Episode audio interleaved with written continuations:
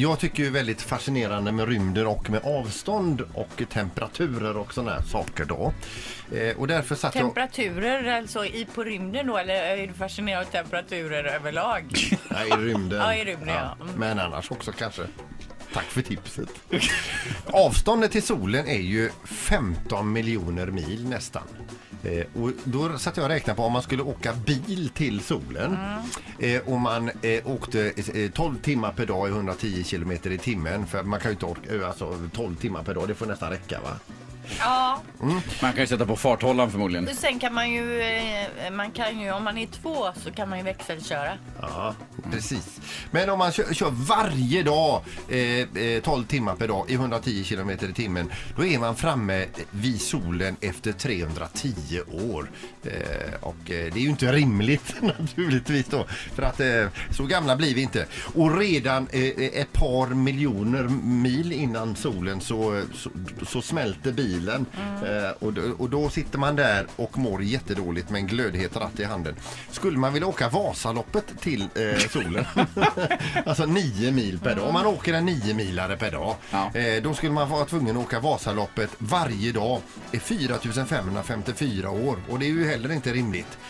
Och även där några miljoner mil innan solen så smälter ju dina skidor sandgren. Ja. Så det, Men ska jag säga en sak till som inte är rimligt. Det är att du ägnar tid åt sån här nonsens. Ja. Alltså vad lär vi oss av det här Du, Peter? du sitter ute på nätet och kollar eh, billiga toppar någonstans i Asien eh, medan jag sitter och kollar rymden. Eh, så, Ja det är olika i det. Ja, det är olika. Sen har jag också eh, kollat det här, det här med, eh, det är ju vakuum där uppe i rymden. Om man skulle spela fiol uppe i rymden och man har fiolen alldeles vid örat som man har också när man spelar.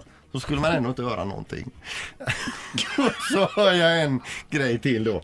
Om man skulle ta sig ett bad i rymden. Det är ju väldigt svårt att bilda en vattenyta då det inte finns någon eh, drag... Alltså, Men i rymden bara, I rymden. i rymden, inte på någon planet utan bara ute. Random rymden. Men alltså det finns ju ingen vatten ute i Nej, rymden. men om du skulle ha med ett badkar ut i rymden. fylla. Och fylla och täcka över det så att inte vattnet...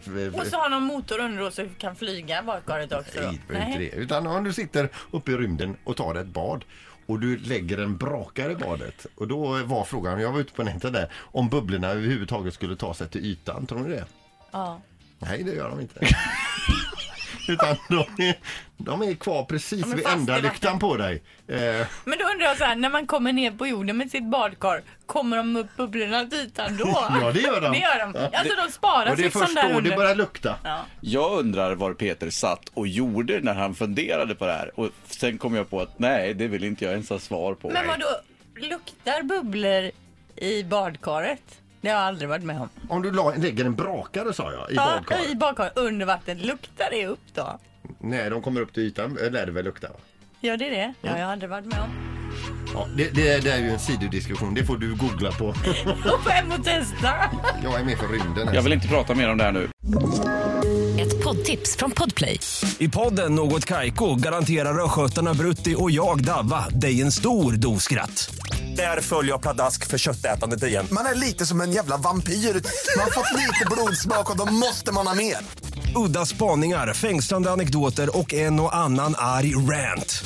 Jag måste ha mitt kaffe på morgonen för annars är jag ingen trevlig människa. Då är du ingen trevlig människa, punkt. Något Kaiko, hör du på Podplay. Därför är gardinerna.